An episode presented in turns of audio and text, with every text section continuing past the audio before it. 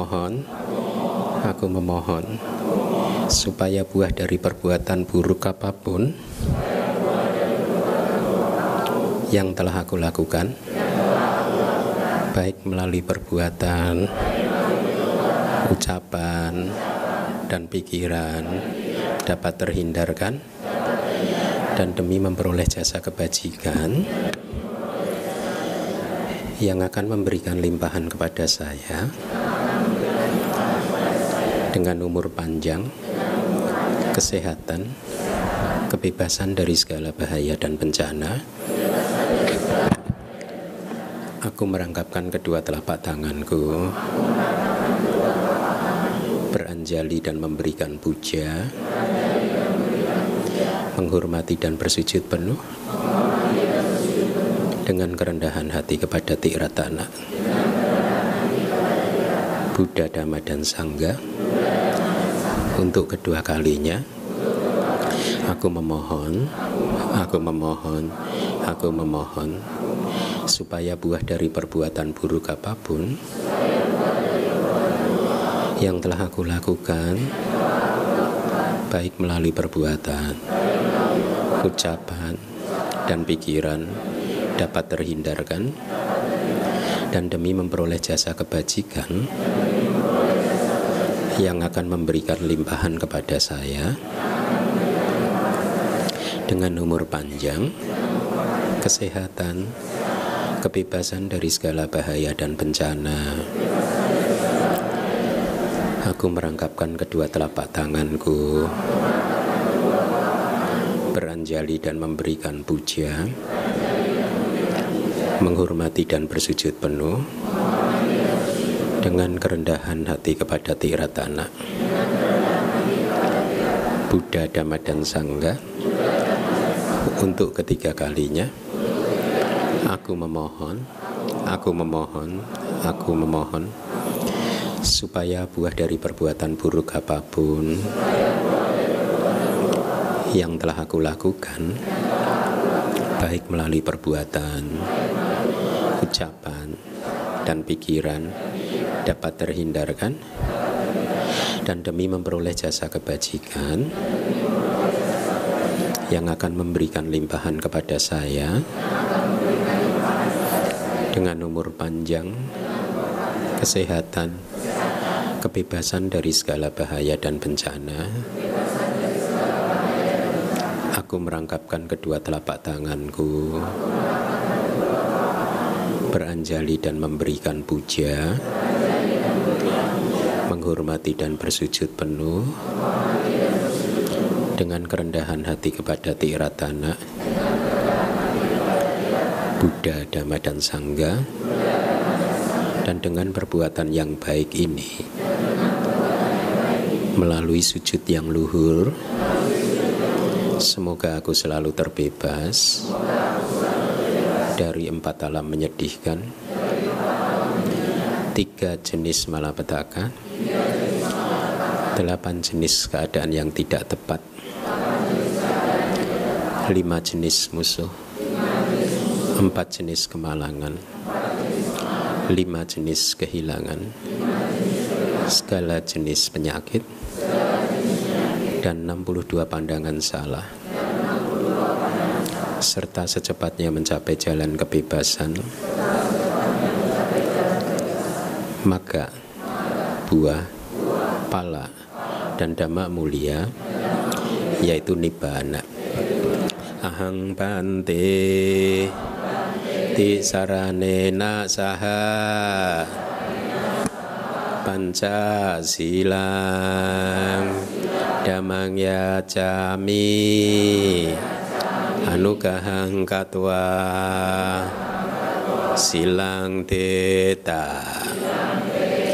Me bante dutiyampi ahang bante ti saranena saha. Panca silang. Damang ya cami anugahang katwa silang teta. Me bante tatiampi ahang bante ti saranena saha panca silang damang ya jami anugahang katwa silang teta me bante yam ahang wadami tang wadeta. Namo tassa bhagavato arahato sama sambuddhassa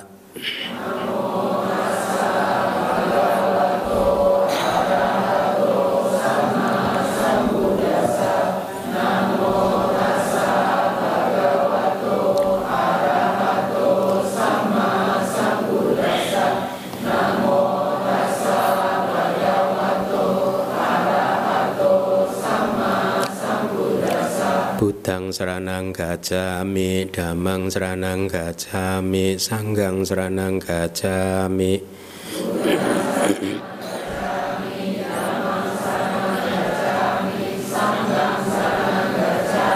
Dutiampi budang seranang gajami Dutiampi damang seranang gajami Dutiampi sanggang seranang gajami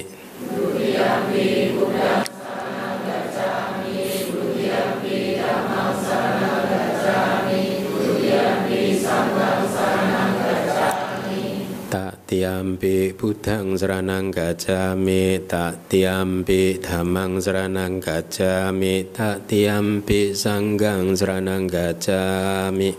Tak tiampi budang seranang gajami Tak tiampi damang seranang gajami Tak tiampi sanggang seranang gajami. Ti sarana kahanang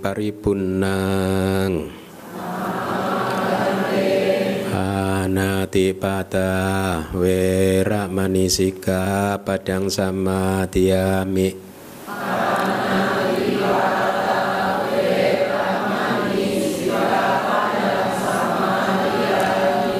Dina dana we ramani padang sama tiami. Padang sama tiami.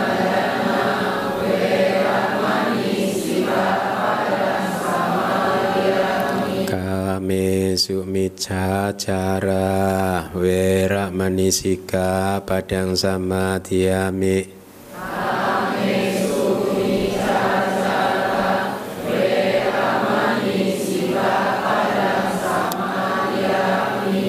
Sawadah, we padang sama tiamik.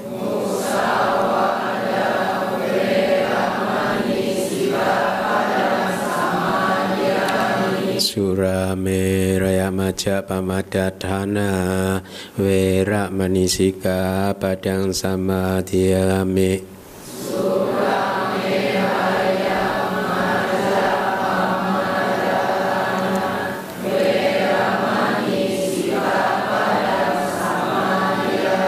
Idang me punyang. Asawakaya wahang Hotu Idang me silang Nibanasa Pacayo. Hotu. Ti saranasa Pancasila Damang Sadukang Katua Pemadina Sampatita.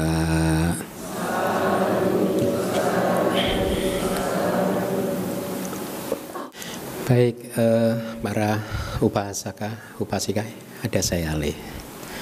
Ya, para saya Ale, upasaka, upasika.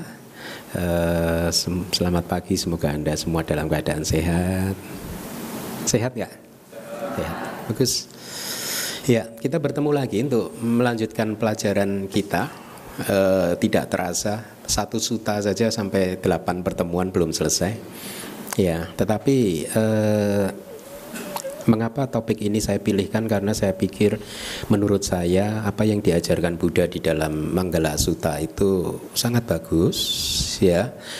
Uh, dan saya juga berharap kita semua, saya Anda mempraktekkannya ya. Karena apa yang disampaikan di Sutta ini ibaratnya adalah satu satu nilai yang harus kita tegakkan, harus kita junjung tinggi ya. Uh, 38 blessing atau berkah yang diajarkan Buddha di Manggala Sutta ini adalah satu ajaran, satu nilai yang harus kita junjung tinggi, kita tegakkan, kita praktekkan maksudnya ya. Uh, supaya kehidupan yang sedang kita jalani saat ini tidak menjadi kehidupan yang sia-sia. Ya, saya akan selalu tidak segan-segan untuk mengingatkan Anda terus-menerus bahwa kehidupan kita yang saat ini ada batasnya.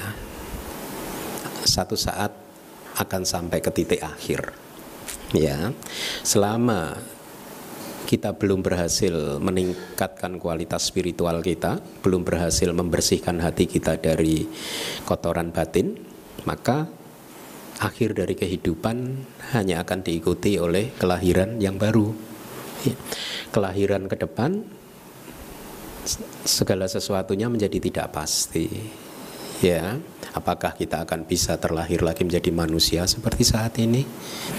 Atau kalaupun terlahir sebagai manusia, apakah kita bisa mendapatkan privilege, kemudahan, ya, e, fasilitas kehidupan yang seperti yang saat ini kita bisa dapatkan di dalam kehidupan ini semuanya serba tidak pasti. Atau kalaupun Anda bisa menjadi seorang manusia yang sukses secara duniawi, apakah anda nanti juga akan bertemu dengan guru yang baik yang bisa mengajarkan kepada Anda tentang tujuan yang hakiki yang sebenarnya dari kehidupan ini atau tidak semuanya juga tidak pasti ya oleh karena itulah mumpung saat ini kita terlahir sebagai manusia maka parami-parami Anda harus Anda tingkatkan ya kualitas-kualitas hati, kualitas-kualitas spiritual Anda harus Anda tingkatkan terus, harus Anda sempurnakan. Itulah yang disebut pada hakikatnya parami. Ya, ada 10 parami. Kalau parami-parami tersebut sudah berkembang secara maksimal, maka tujuan akhir sudah dekat.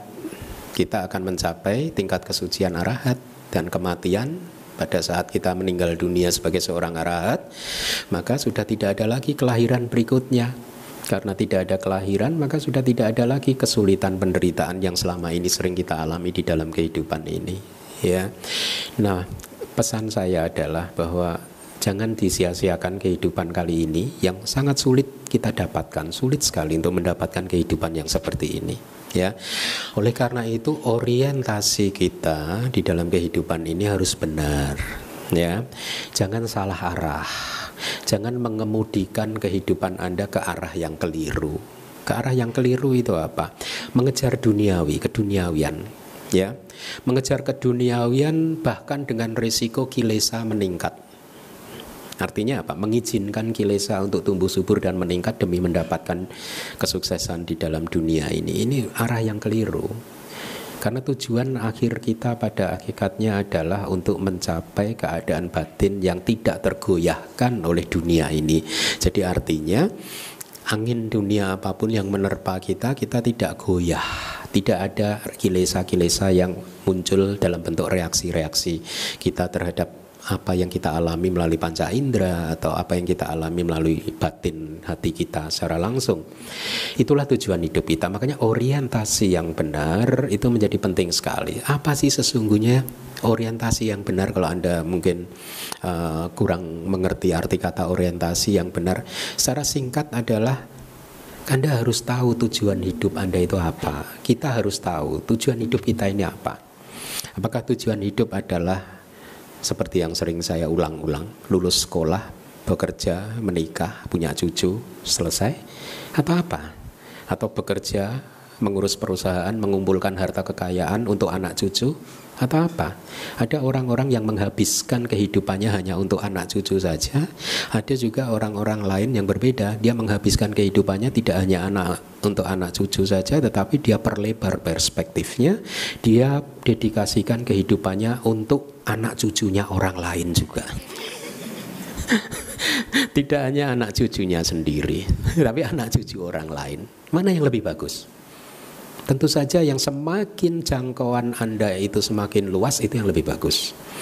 Semakin Anda bisa membawa manfaat, memberikan manfaat buat orang yang lebih luas, lebih banyak lagi, itu yang lebih bagus. Anda tahu tidak alasan kenapa sangga disebut anu terang punya ketang lokasa.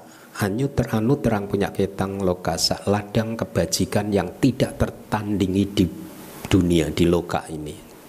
Ya, anda tahu nggak alasannya? Karena impact yang diberikan sangga itu sangat luas sekali dari sangga lah itu dari kitab komentar dijelaskan segala kualitas yang baik, yang positif, yang bermanfaat untuk mengakhiri penderitaan muncul. Ya, Makanya kalau Anda berdana kepada sangga, Anda melakukan satu karma yang sangat bagus sekali karena Anda mendukung satu institusi, satu komunitas yang dari institusi sangga inilah semua ajaran yang baik yang bermanfaat untuk memahami empat kebenaran mulia, yang bermanfaat untuk memahami ini penderitaan, ini asal mula penderitaan dan seterusnya muncul. Anda bayangkan di kelas ini saja dari satu orang anggota sangga minimal 300 manusia setiap hari Minggu mendengarkan sesuatu yang baik dan dari sana apa yang tadinya belum baik menjadi disempurnakan. Apa yang tadinya sudah baik menjadi ditingkatkan lagi kebaikannya lihat. Satu anggota sangga saja. Nah, prinsip seperti ini harus Anda adopsi juga. Anda adopsi dalam artian bahwa saya akan bertekad untuk mendedikasikan kehidupan saya untuk tidak hanya anak istri saya, anak istri Anda, tapi juga anak istri orang lain. Jadi mulai sekarang istri Anda itu tidak satu, tapi banyak. Ya? Sama yang ibu-ibu juga begitu. Mulai hari ini saya akan dedikasikan hidup saya tidak hanya untuk suami dan anak saya, tapi untuk suami orang lain dan anak orang lain juga. Kan enak kan? Punya Maksud saya, hidup jadi lebih meaningful, bermanfaat bahwa kita hidup untuk orang banyak. Inilah pada hakikatnya tujuan hidup dan untuk bisa mencapai kualitas hidup yang seperti itu, Tripitaka itu adalah gudangnya. Bagaimana kita membentuk kehidupan kita supaya kehidupan kita ini bisa semakin hari semakin dekat ke tujuan akhir kita yaitu apa? Realisasi nibbana yang mengakhiri segala jenis penderitaan.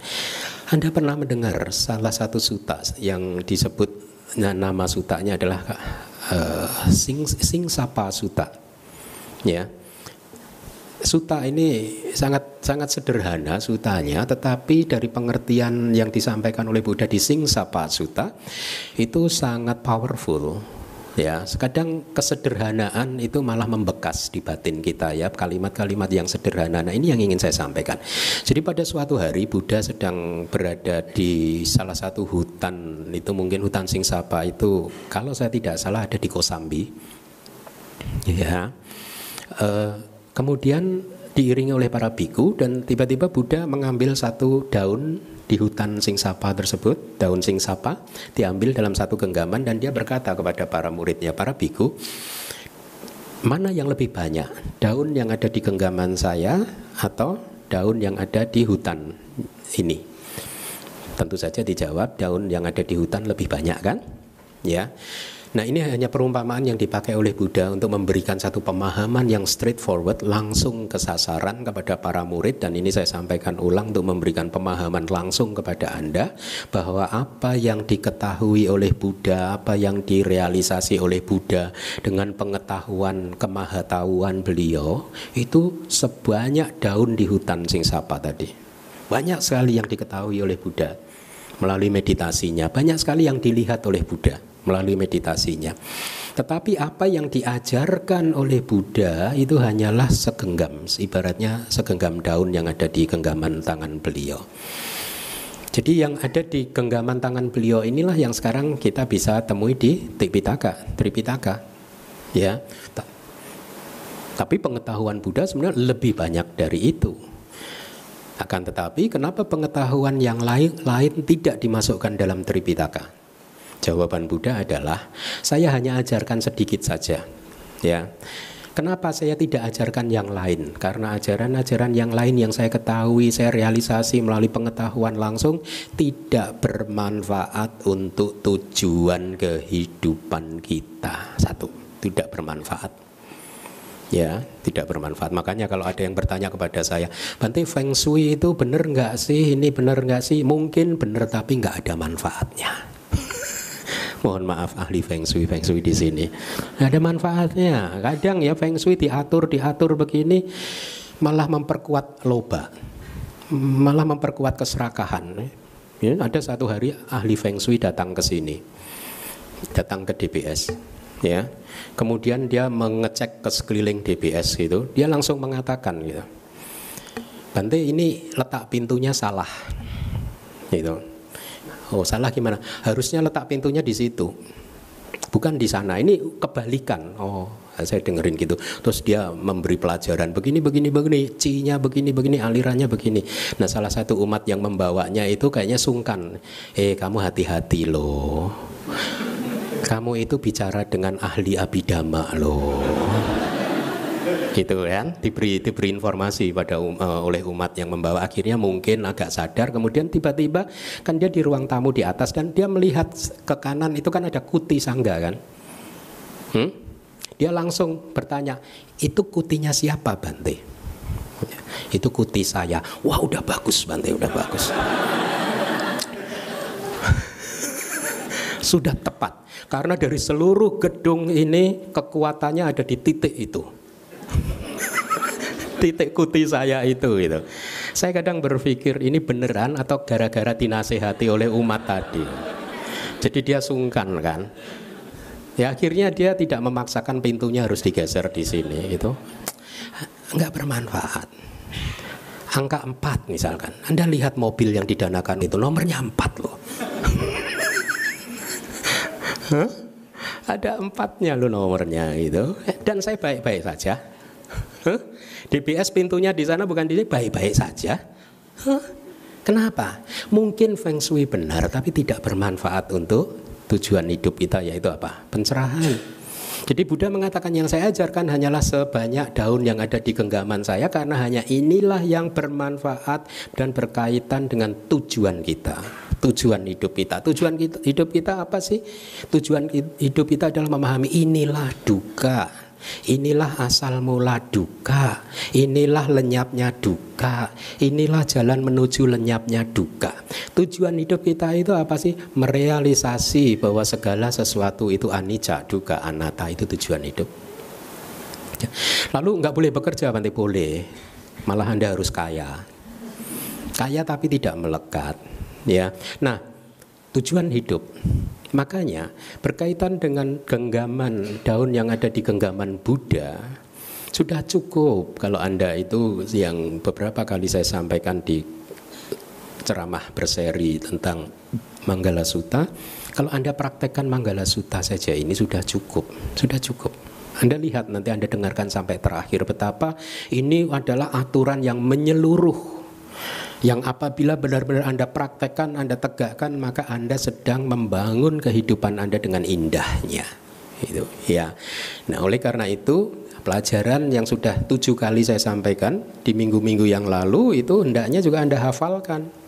Ya, kemudian Anda juga mulai benahi kalau Anda salah sampai hari ini masih suka mendengarkan nasihat dari orang yang tidak bijaksana, maka mulai dirubah sekarang.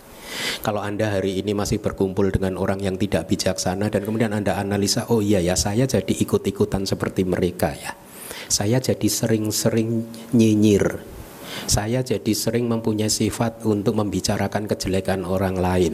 Saya jadi mempunyai sifat yang mengizinkan kemarahan untuk alasan-alasan tertentu, ikut-ikut mereka. Maka pada saat itulah Anda harus tahu bahwa Anda terkena infeksi dari komunitas Anda.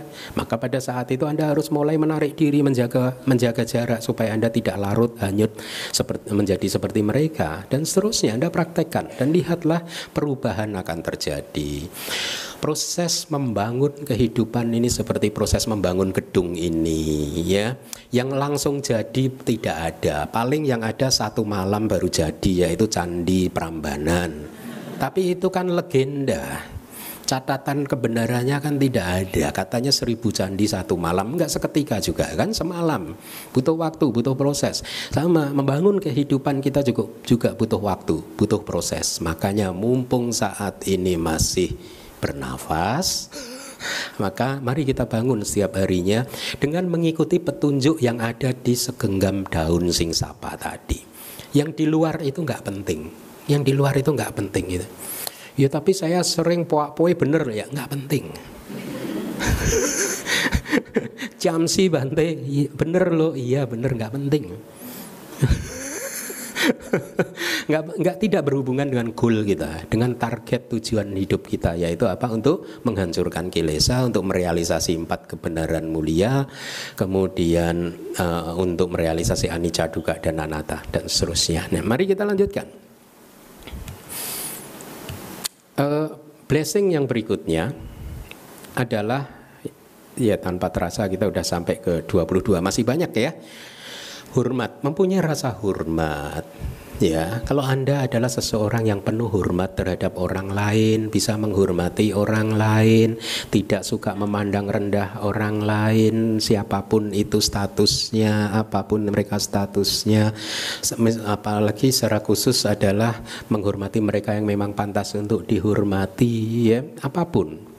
Bahkan terhadap orang yang tidak pantas untuk dihormati saja kita tetap harus hormat dalam artian tidak boleh memunculkan kebencian kemarahan kepada mereka hmm? Ada orang-orang yang menurut kita kita anggap sebagai orang yang tidak baik pun kita tidak boleh memunculkan kemarahan atau kebencian. Artinya tetap saja ada rasa hormat, biar bagaimanapun mereka adalah makhluk hidup yang sedang berjuang untuk menjadi lebih baik yang kita harus memunculkan rasa compassion belas kasih kita kasihan kepada mereka. Kalau bisa kita bantu ya kita bantu. Kalau tidak bisa kita bantu ya paling tidak kita tidak menambah beban mereka. Ya paling tidak kita tidak mengucilkan mereka paling tidak kita tidak merendahkan mereka. Nah sikap yang seperti itu adalah berkah blessing Ya, kenapa? Karena dari sikap seperti itu maka kehidupan pun akan menjadi terang benderang. Kedamaian dan kebahagiaan pun akan relatif akan mudah untuk didapat. Karena hormat di dalam penjelasannya disebutkan penuh hormat itu kepada para Buddha, para paceka Buddha, arahat, kepada dhamma, ya harus hormat gitu ya kalau lagi mendengarkan dhamma ya dengarkan dengan penuh perhatian ya dengan uh, penuh telinganya mendengarkan baik-baik, dicatat baik-baik, dicatat baik. Kalau mau dicatat, catat baik-baik. Bukan mencatatnya di saya sedang mendengarkan ceramah Bante Keminda langsung upload Facebook. Jadi status. Statusnya sih mendengarkan dhamma ya statusnya tapi realitasnya update Facebook nggak mendengarkan dhamma udah kehilangan kesempatan untuk mendengarkan dhamma. Kalau lagi mendengarkan dhamma dengarkanlah. Jangan update update catat yang perlu ya. Kemudian uh, resapi renungkan dan bertekad untuk mempraktekannya. Hormat kepada sangga, kepada guru, penahbis, kepada ibu, bapak, kakak dan lain-lain. Ya, intinya eh, karena mereka-mereka adalah orang yang pantas untuk dihormati, ya.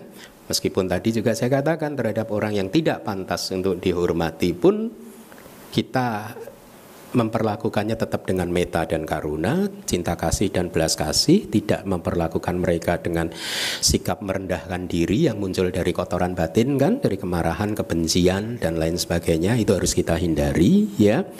E, sikap yang seperti itu dianggap sebagai berkah karena akan membawa seseorang terlahir di alam bahagia. Surga kalaupun dia terlahir di alam manusia, dia akan terlahir di keluarga yang terhormat. Anda pernah nggak mengamati sekeliling Anda?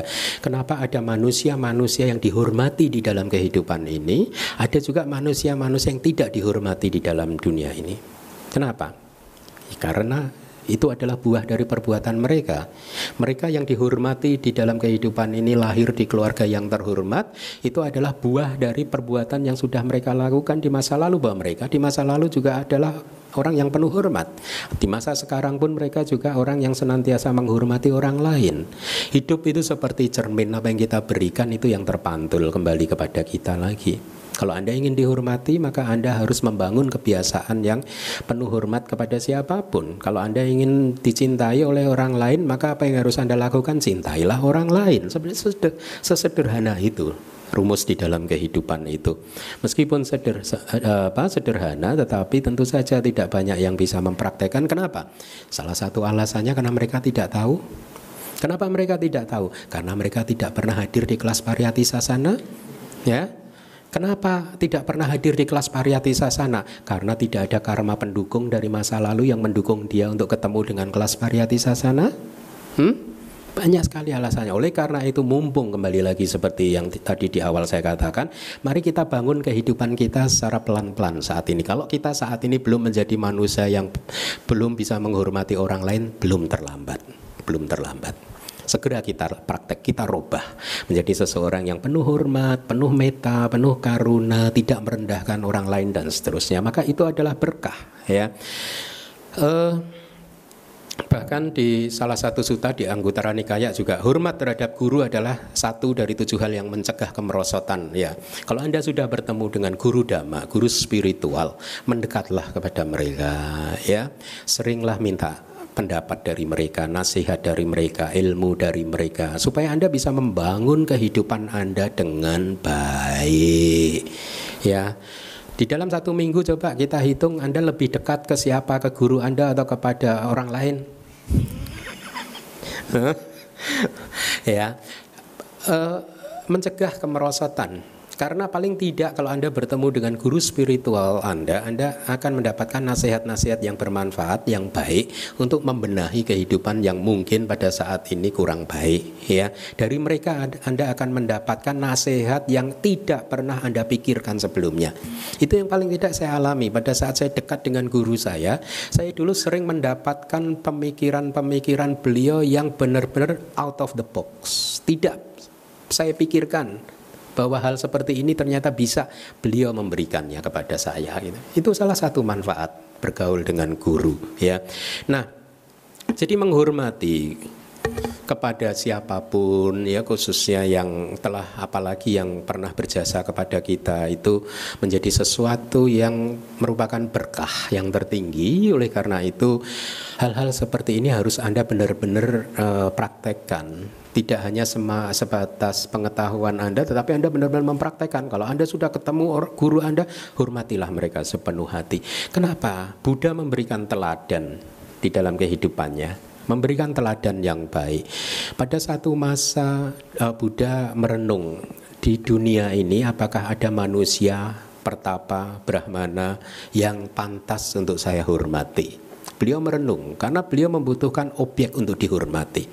Akhirnya beliau melihat ke semua uh, yang beliau alami dan beliau tidak menemukan satu manusia pun, satu pertapa, satu brahmana pun yang uh, membantu menyempurnakan sila samadhi panya dan lain-lain dari kualitas hati mereka. Ya seperti yang Anda ketahui, Buddha itu merintis karir bodhisattvanya itu kan sendirian juga kan? Ya. Bahkan pada saat menemukan empat kebenaran mulia pun kan juga sendirian. Beliau meninggalkan gurunya Alarak Kalama dan Udaka Ramaputa kan ditinggalkan kan. Menemukan nibana, merealisasi nibana itu atas usahanya sendiri. Akhirnya beliau sampai pada satu kesimpulan tidak ada manusia pertapa atau brahmana yang pantas untuk dia sebut guru, pantas untuk dia hormati. Karena tidak ada, akhirnya beliau mencoba untuk menganalisa lagi di dalam kehidupan beliau ini mana yang telah membuat beliau ini berubah hingga beliau mencapai tujuannya seperti hari ini dan akhirnya ketemulah dhamma. Inilah mengapa kemudian Buddha declare bahwa Buddha pun saya harus menghormat kepada dhamma.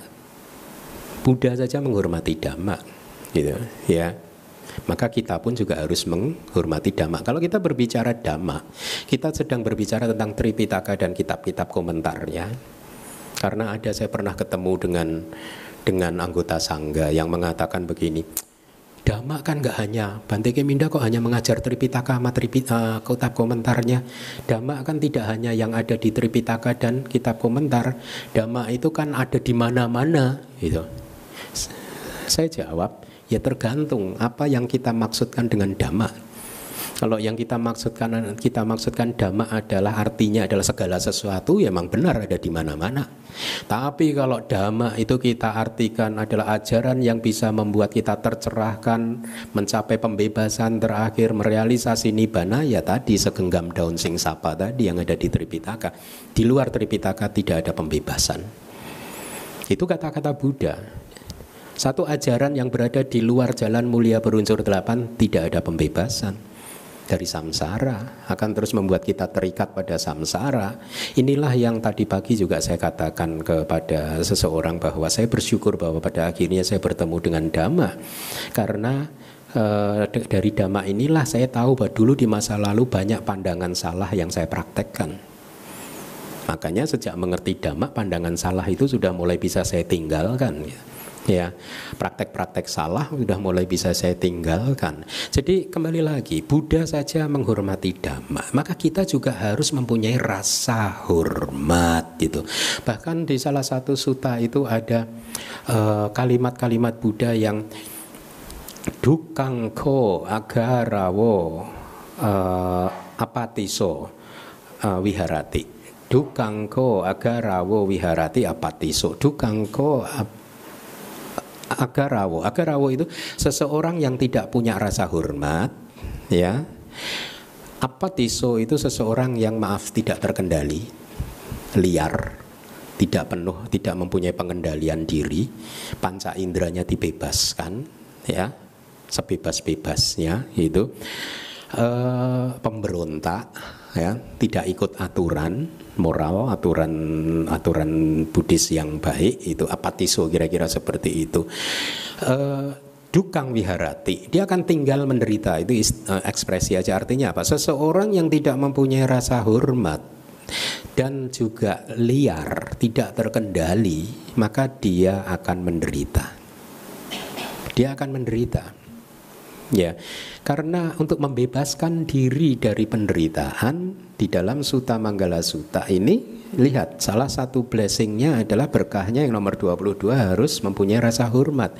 Dari rasa hormat kepada guru anda maka anda akan mendengarkan guru anda nasihat guru anda dan kemudian mempraktekkannya demi kemajuan spiritual anda.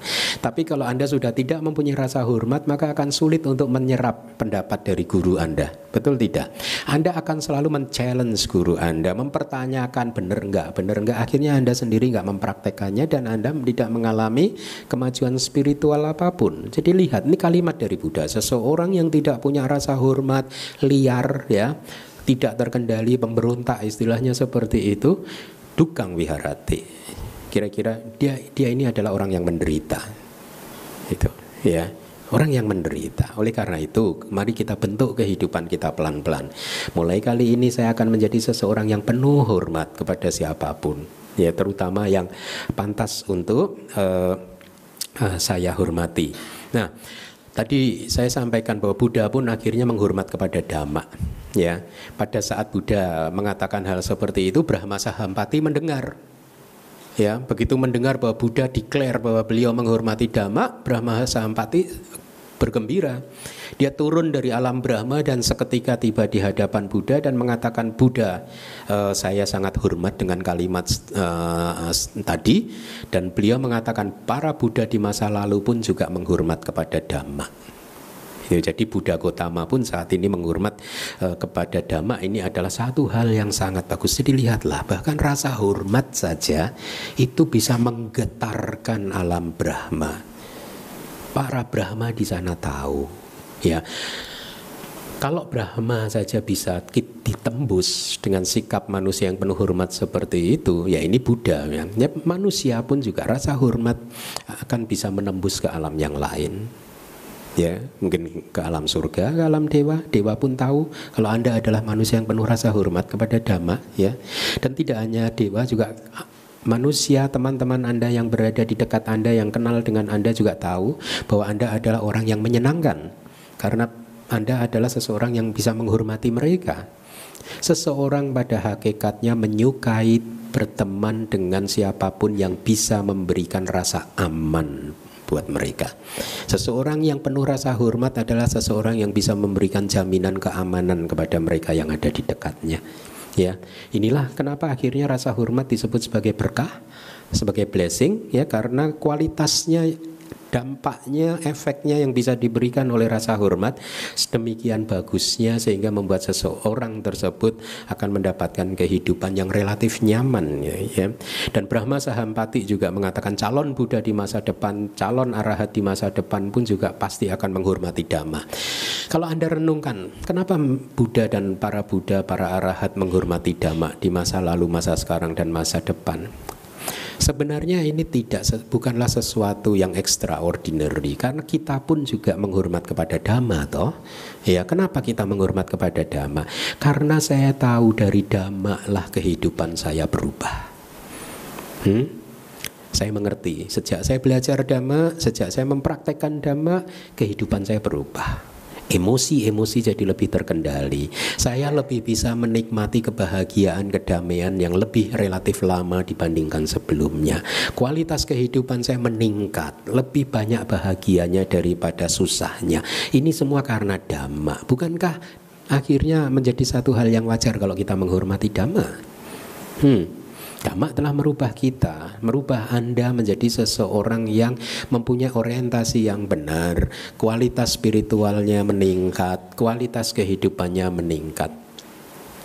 Oleh karena itu pelajarilah tadi segenggam daun di uh, apa uh, daun di genggam tang, uh, genggaman tangan sang Buddha. Ya, nah uh, jadi dan inilah mengapa pendidikan yang mengajarkan Tripitaka itu menjadi sangat baik sekali sangat bermanfaat. Kemarin juga saya ada apa pembicaraan dengan salah satu umat yang senantiasa mendukung kegiatan pembabaran dhamma itu. Ya kita sama-sama bersyukur. Umat yang mendukung juga bersyukur karena dukungan beliau juga beliau lihat sendiri hasilnya ada. Paling tidak itu yang mendukung eh, DBS misalkan paling tidak itu setiap minggu itu penuh ruangan dan sama-sama mendengarkan dhamma, sama-sama berubah berubah ingin berubah menjadi manusia yang baik itu yang didukung saya pun juga senang karena dengan dukungan Anda saya bisa mempunyai kesempatan untuk berbagi kepada Anda.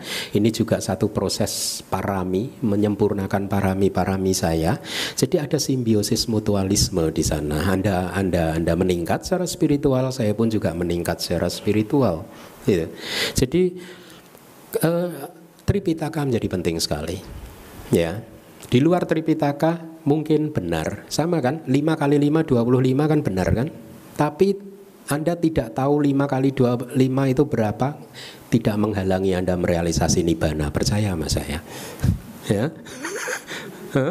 bahwa benar dan baik. Kalau tahu 5 kali 5 adalah 25 itu benar baik itu tapi kalau yang tidak tahu 5 kali 5 menurut saya 23 Bante. Benar baik sama-sama baiknya. Anda tidak terhalang. Pintu nibana tidak tertutup gara-gara Anda tidak tahu 5 kali 5 itu berapa Tenang saja. Karena itu adalah daun di hutan sing Siapa yang di luar genggaman tangan Buddha? Betul tidak? Ya. Nah, oleh karena itulah kita harus menghormati dhamma. Apalagi Buddha pada saat parinibbana, Anda tahu nggak? Buddha itu tidak memberikan tongkat estafet kepada biku siapa pun kan? Siapa pengganti guru kita? Hmm? Setelah Buddha parinibbana, siapa yang menggantikan Buddha? Hmm? Pangerannya siapa? Pangerannya adalah uh, yo apa? Yo wo ananda ini kalimat Buddha. Mayadamo ca winayo ca desito panyato sowo mama cayena satati. Yo wo ananda, ananda, wahai ananda, mayadamo ca. Dhamma yang telah Maya damo cak winayo cak desito panyato Dhamma yang telah saya babarkan dan winaya Dhamma dan winaya yang telah saya babarkan dan telah saya tunjukkan Itulah nanti yang akan menjadi guru kamu setelah saya parinibbana. Mam acayena, mam acayena. Ya, setelah saya pergi. Itu yang akan menjadi guru kita. Jadi setelah Buddha Parinibbana, guru Anda bukan Bante Keminda. Setelah Buddha Parinibbana, guru Anda adalah Dhamma dan Winaya, Tripitaka. Hmm? Nah karena dia adalah guru kita, maka kita harus menghormati Tripitaka. Karena Tripitaka itu adalah guru kita, ya, maka apa yang harus Anda harus kenal guru Anda. Betul tidak? Cara mengenal guru Anda bagaimana? Pelajari Tripitaka. Dan inilah mengapa di sini setiap Sabtu ada kelas Abidama, Minggu ada kelas mengupas suta seperti ini. Huh? Jadi kenalilah guru Anda, kenalilah Tripitaka dengan baik karena ini adalah daun yang ada di genggaman tangan Buddha yang bermanfaat buat Anda sesungguhnya untuk mencapai tujuan kehidupan kita. Dhamma itulah guru kita. Tripitaka itu guru kita. Jadi kalau Anda nanti di luar misalkan mendengar eh uh, uh, apa uh, ada biku lo di tempat lain atau guru di tempat lain yang mengajarkan ini ini ini begini ini adalah ajaran Buddha. Maka kalau nasihat Buddha di Mahapadesa itu Buddha berkata, jangan langsung Anda tolak pendapat tersebut, tapi jangan juga langsung Anda terima kebenarannya. Anda selidiki apakah apa yang diajarkan oleh guru itu sesuai dengan dhamma dan winaya? Apakah yang diajarkan oleh guru tersebut sesuai dengan tripitaka atau tidak? Penting sekali. Oleh karena itu memahami Tripitaka menjadi penting sekali. Atau nanti di luar ada yang berkata, eh di sana misalkan ada anggota sangga yang mengajarkan bahwa ini adalah ajaran Buddha. Jangan langsung Anda tolak, jangan langsung Anda terima, cocokkan lagi dengan Tripitaka, benar atau tidak. Jadi patokannya adalah Tripitaka, ya.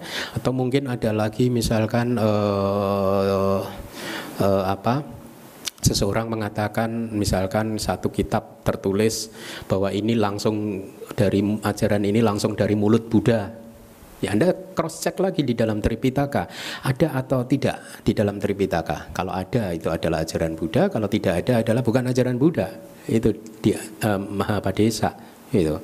Kalau itu uh, cocok dengan apa yang pernah disampaikan oleh Buddha, maka itu adalah dhamma.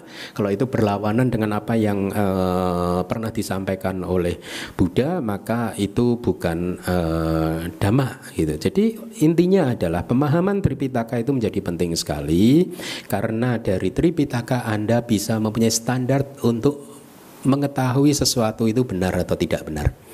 Hati-hati di dalam salah satu suta Ahitaya Suta ya di Anggutara Nikaya.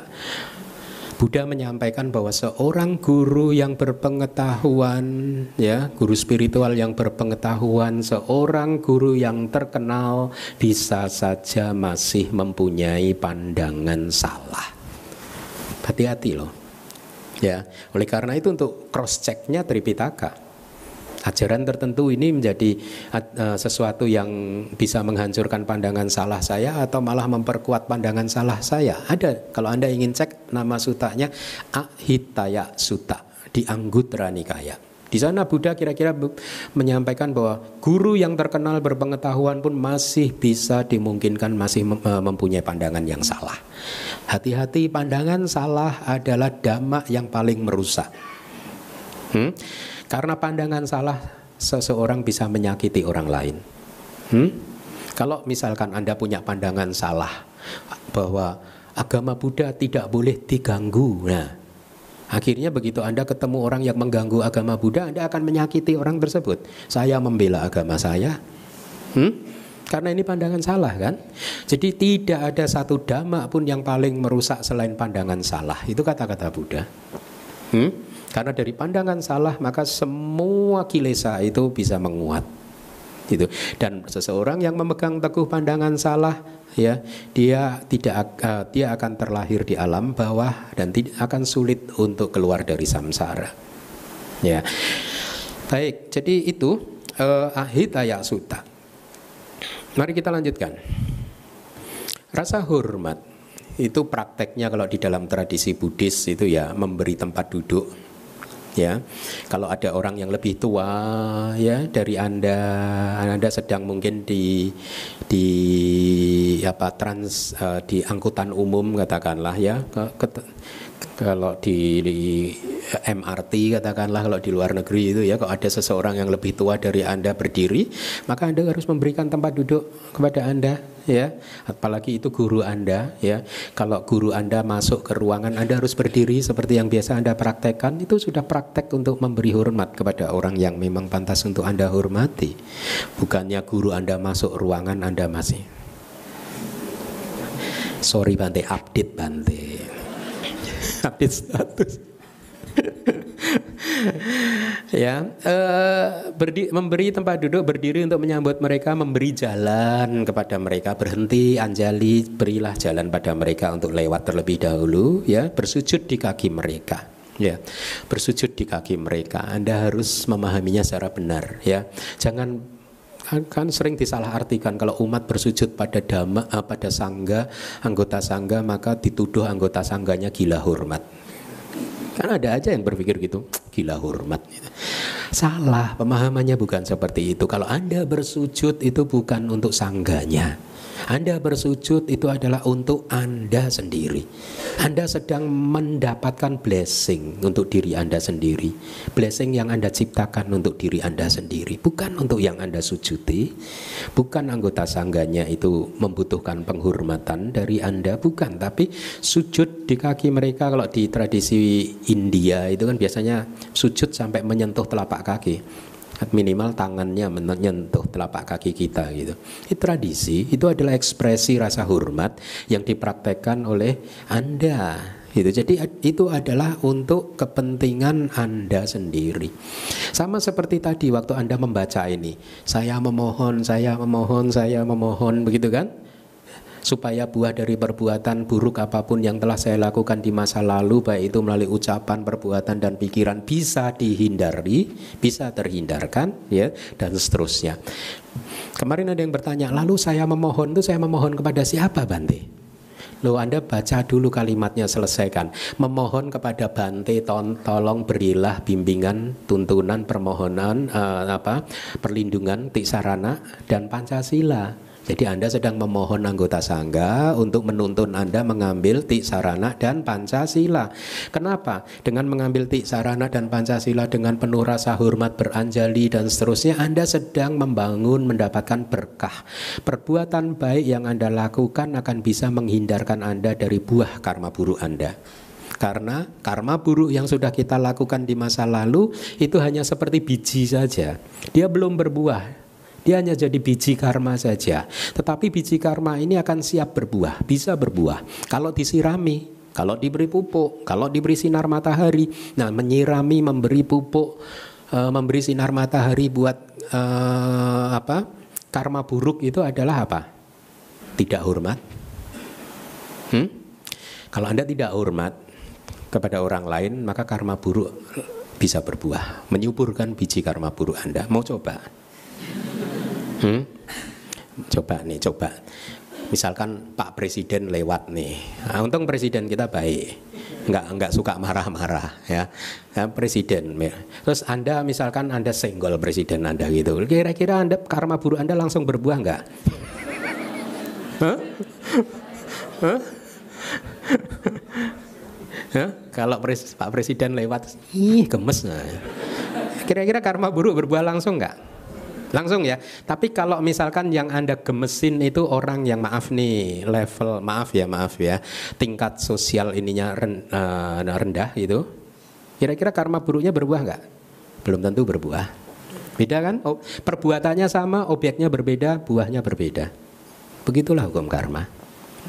Mau dicoba untuk membuktikan kebenarannya? ya. Nah, jadi itu bersujud adalah untuk diri Anda sendiri dan hormat itu merupakan pertanda baik untuk kelahiran yang baik dan keharmonisan di kehidupan saat ini. Mudah untuk dipahami. Kalau Anda punya rasa hormat, Anda akan harmonis dengan siapa pun. Hidup Anda akan mengalir, menghindari konflik, tidak ada pertentangan, orang lain suka kepada Anda, Anda pun juga tidak ada konflik, eh, permusuhan dengan orang lain. Orang yang penuh hormat tidak akan pernah bermusuhan dengan siapa pun. Jadi hidup akan nyaman sekali. Yang berikutnya itu adalah rendah hati. Nah ini juga penting sekali rendah hati. Rendah hati sama rendah diri sama nggak sih? Beda ya. Kita jangan rendah diri, tapi rendah hati boleh ya. Kalau rendah diri itu apa sih? Minder. Hmm? Minder, gini nggak bisa gitu. Itu dosa mula cita. Itu kesadaran yang tidak baik kualitas mental yang tidak baik ya. Jadi rendah hati itu baik ya. E, baik itu rendah hati itu ada di pikiran kita di batin kita ya maupun di dalam sikap dan ucapan kita ya. E, kita harus senantiasa rendah hati. Tapi jangan berbohong loh rendah hati itu. Kan ada kan orang yang rendah hati oh misalkan apa? Oh yang ini yang pernah kejadian. Satu rombongan umat menemui saya itu. Kemudian salah satu ketua yayasannya, ketua yayasan wihara, salah satu wihara itu menyampaikan, memperkenalkan kepada saya satu umat yang hadir bersama di rombongan itu adalah donatur yang membangun satu wihara di Jakarta ini, Jakarta Barat juga. Itu dia yang membangun atas dana dia satu orang itu. Nah dia perkenalkan, Bante ini luar biasa sekali loh Bante itu wihara X itu semuanya hasil dana beliau loh gitu. Jadi karma baik beliau ini hebat sekali. Lalu apa jawaban si bapak tadi? Mungkin mau berpraktek rendah hati. Enggak Bante, enggak, enggak lah, enggak, enggak lah kamu itu loh. Enggak, bukan, bukan, enggak, enggak, enggak gitu. Maksudnya rendah hati. Tapi kan bohong kan? Hah? Bohong kan? Bohong dia yang menyumbang kok katakan enggak. Kalau ada yang Bante ini yang menyumbang, iya Bante tapi tidak sombong. Iya memang gitu. Terus nanti kalau bantenya, oh sungguh mulia sekali kamu telah melakukan karma baik, kamu manusia yang sangat baik. Terima kasih Bante, saya memang pantas untuk menerima pujian.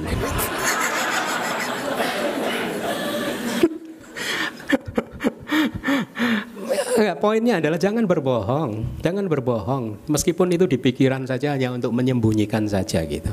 Ya, kadang kita nggak skillful, kita tanpa kita sadari kita melakukan kebohongan. Gitu. Ya kalau kalau mau tidak ingin dibahas ya sudah diam saja. Sudahlah nggak usah dibicarakan gitu. Nah, lebih baik kan daripada enggak enggak, wah enggak lah ya. Malah bapak ini suka begitu Bante, enggak Bante gitu. Padahal iya loh.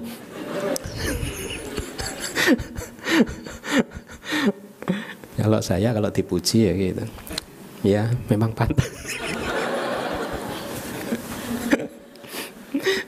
Bukanlah ya, bukan untuk menyombongkan diri tapi menghindari kebohongan. masalah skill lah itu masalah skill, ya, keterampilan.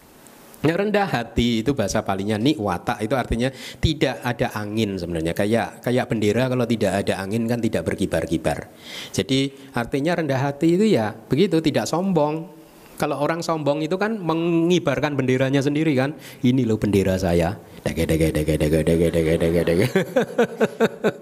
ya, semakin dinaikkan setinggi mungkin ya itu sombong. Ya kalau ini tidak ada angin artinya benderanya tidak berkibar.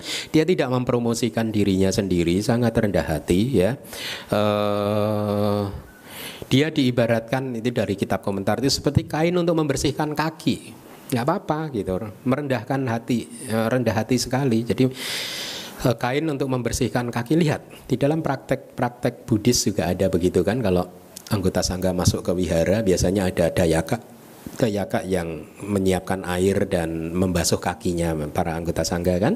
Itu praktek kerendahan hati. Ya itu sangat itu adalah berkah itu adalah blessing. Ya jangan jadi orang yang tinggi hati. Cari jadilah orang yang mudah tergerak pada saat ada sesuatu yang perlu dilakukan demi kebaikan orang lain segeralah lakukan. Ya karena itulah sesungguhnya tujuan hidup untuk menyempurnakan hati kita yang masih belum sempurna, yang masih sering menunggu untuk berbuat baik, kita sempurnakan sehingga menjadi makin spontan. Kemurahan hati kita yang masih berhitung-hitung, aduh kayaknya tadi dananya kebanyakan, kita sempurnakan. Ya, sehingga nanti makin lama sudah tidak mikir lagi gitu. Karena itu tujuan hidup.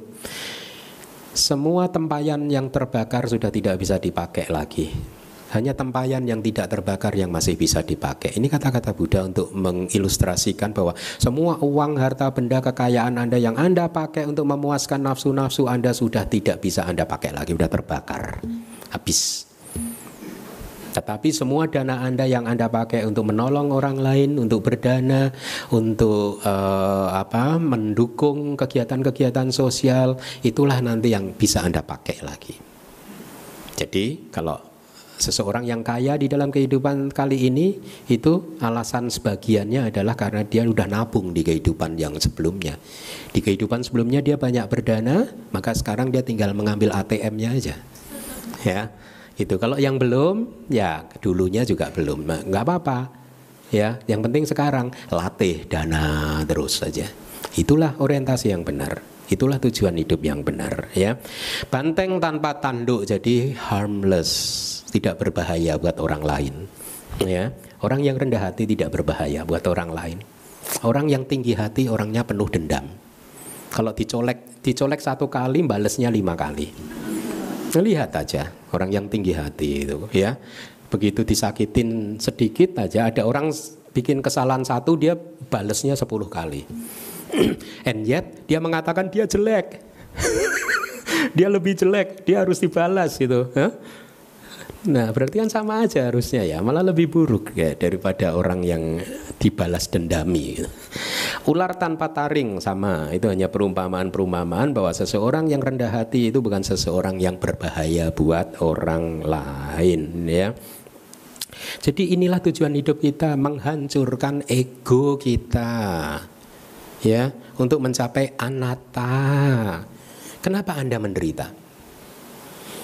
Hmm? Kenapa anda menderita karena masih ada pandangan salah bahwa Anda anggap itu Anda. Hmm, ada ego di situ. Makanya Anda menderita. Kalau sudah tidak ada ego Anda, kira-kira Anda bisa menderita nggak? Kita bisa menderita nggak? Nggak bisa. Ya, maka semua praktek yang ada di Manggala Sutta ini bertujuan untuk tadi merealisasi anicca dukkha dan anatta. Ya. Tujuan dari latihan Buddhis adalah untuk merealisasi bahwa sesungguhnya di dalam tubuh dan pikiran batin kita ini ternyata tidak ada siapa-siapa. Kalau tidak ada siapa-siapa kan tenang kan? Hmm? Jadi karma buruk nanti yang memetik siapa? Bukan siapa-siapa. tenang nggak? Kalau sekarang deg-degan terus nanti jangan-jangan karma buruk berbuah. Kenapa deg-degan? Karena kita pikir ada siapa-siapa.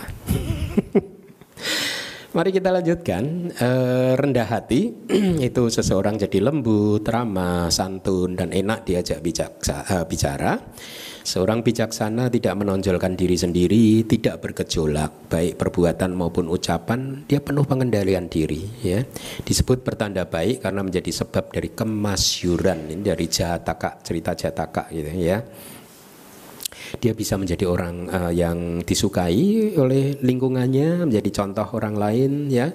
Orang yang rendah hati juga tidak menyebabkan kilesa atau kotoran atau emosi batin yang negatif dari orang lain menjadi muncul dan berkembang. Ya, jadilah orang yang baik yang membantu orang lain untuk bisa menjaga kilesa-kilesanya supaya tidak muncul dan berkembang menjadi lebih kuat. Yang berikutnya kita uh, masuk ke berkah yang ke-24, kepuasan. Kalau biku itu puas dengan empat kebutuhan pokok ya. Jadi terhadap situasi apa pun kita tidak pernah mengeluh. Makanya salah satu praktek yang saya suka di dalam kebikuan ini adalah mematuhi praktek winaya saya. Karena ternyata setelah e, dipraktekkan sekian lama akan membuat saya mudah untuk menikmati apa yang ada hmm? mudah untuk menikmati apa yang ada. Saya tidak boleh makan malam, akhirnya yang ada cuma makan pagi dan makan siang. Ya sudah saya nikmati makan pagi dan makan siang. Sayangnya makanan yang enak-enak tuh biasanya munculnya setelah jam 12 siang ya.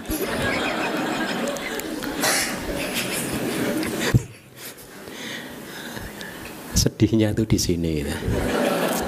Enggak lah, enggak. Kalau saya lihat itu umat-umat itu pada apa ya posting makanan. Oh iya ya makanan kalau yang enak-enak kok mesti munculnya setelah jam 12 ya. Gitu. puas Anda pun juga begitu harus melatih rasa puas terhadap apa yang Anda punya. Karena ini adalah seni untuk menikmati kehidupan ini. Anda bahagia bukan karena uh, maaf, Anda tidak bahagia bukan karena apa yang Anda dapatkan belum Anda capai. Anda tidak bahagia karena Anda lupa, orientasinya salah. Anda tidak menikmati apa yang sudah Anda capai. Paham? Jadi Anda tidak bahagia, Anda menderita itu bukan karena sesuatu yang belum Anda capai, tapi lebih pada Anda tidak bisa menikmati apa yang sudah Anda punyai. Hmm? Maka tujuan di dalam hidup kita adalah membangun kebiasaan untuk menikmati apa yang sudah ada, yang sudah kita punyai. Puas. Kalau orang Jawa bilang nerimo, nerimo ing pandum. Ya apa pun diterima. Ya, ya sudah dinikmati saja ya. Lalu kalau begitu kan bikin kita jadi pemalas Bante. Nah, ini sama dengan pemerintah Thailand tahun 1970 kalau tidak salah. Waktu itu pemerintah Thailand sedang merancang kayak kalau di Indonesia pembangunan lima tahun gitu, rancangan program pengembangan pembangunan mereka ya. Nah, salah satunya adalah mereka mengadopsi uh, uh, uh, rencana pembangunan yang telah sukses dilakukan oleh negara-negara Barat. Ya, nah negara Barat itu kan orang mementingkan mengejar materialisme, materi, materi, ya. Sehingga tahun 1970 itu pemerintah Thailand meminta para anggota sangga untuk jangan mengajarkan santuti. Santuti itu bahasa Pali dari kepuasan. Ya Janganlah ajaran santuti.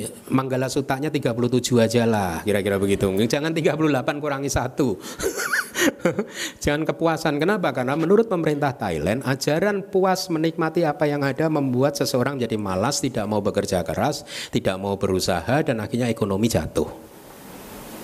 Ya.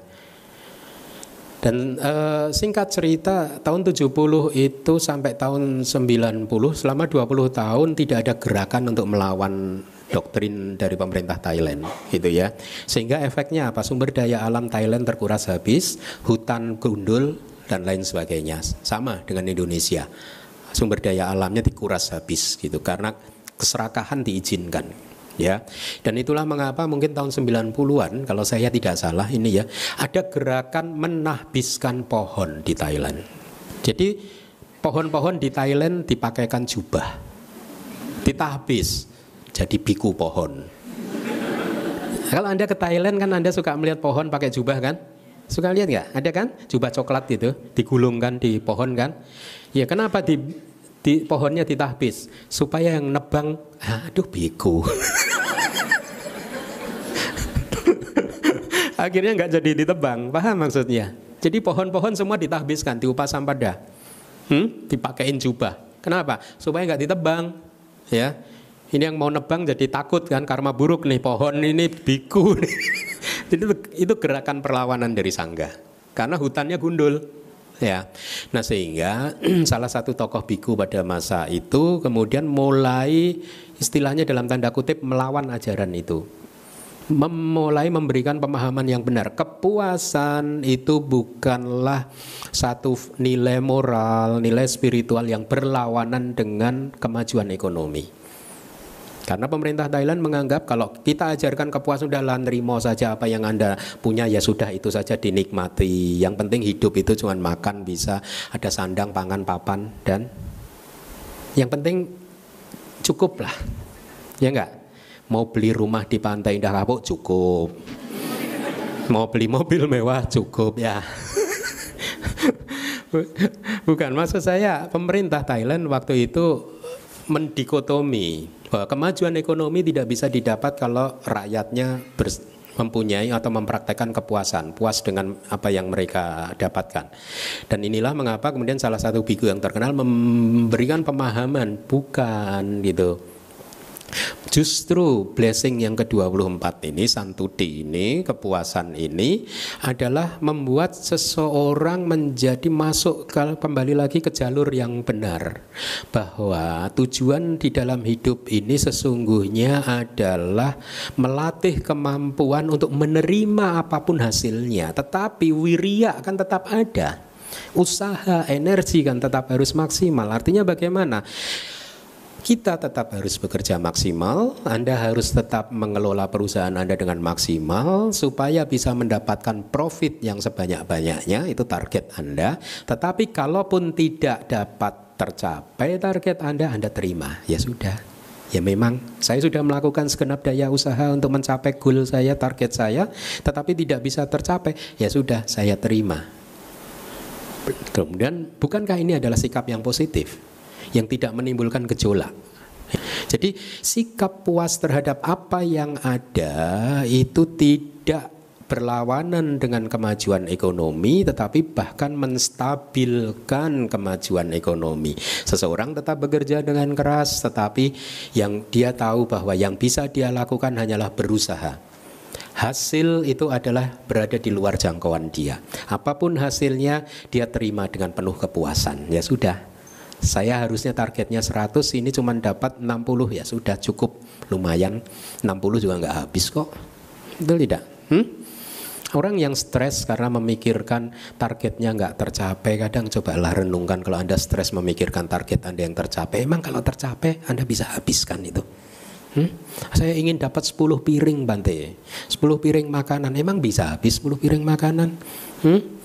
Cuman dimakan satu aja kan Ya sudah Tujuan kita adalah menyempurnakan parami Wirya uh, Kanti wirya itu adalah usaha, energi kita sempurnakan. Kita adalah seseorang yang pekerja keras, berusaha keras untuk mendapatkan hasil yang maksimal, tetapi kita bukanlah seseorang yang mengharuskan hasil itu tercapai. Apa pun hasil yang saya dapatkan, itu yang akan saya terima. Itulah kepuasan. Apa pun yang ada di depan saya, itulah yang saya terima. Hmm? Saya pernah diajak oleh umat karena perjalanan jauh akhirnya kemalaman dan jam 8 malam itu umat udah pada kelaparan akhirnya masuk ke restoran Jepang mewah restoran Jepang saya menikmati kemewahannya aja interiornya bagus gitu ya bagus. Habis itu saya diberikan duduk di satu meja sendiri kan? Setelah itu saya hanya diberi air mineral. Yang lainnya makan ramen ramen ramen apa apa makanan pada cerita dan Minang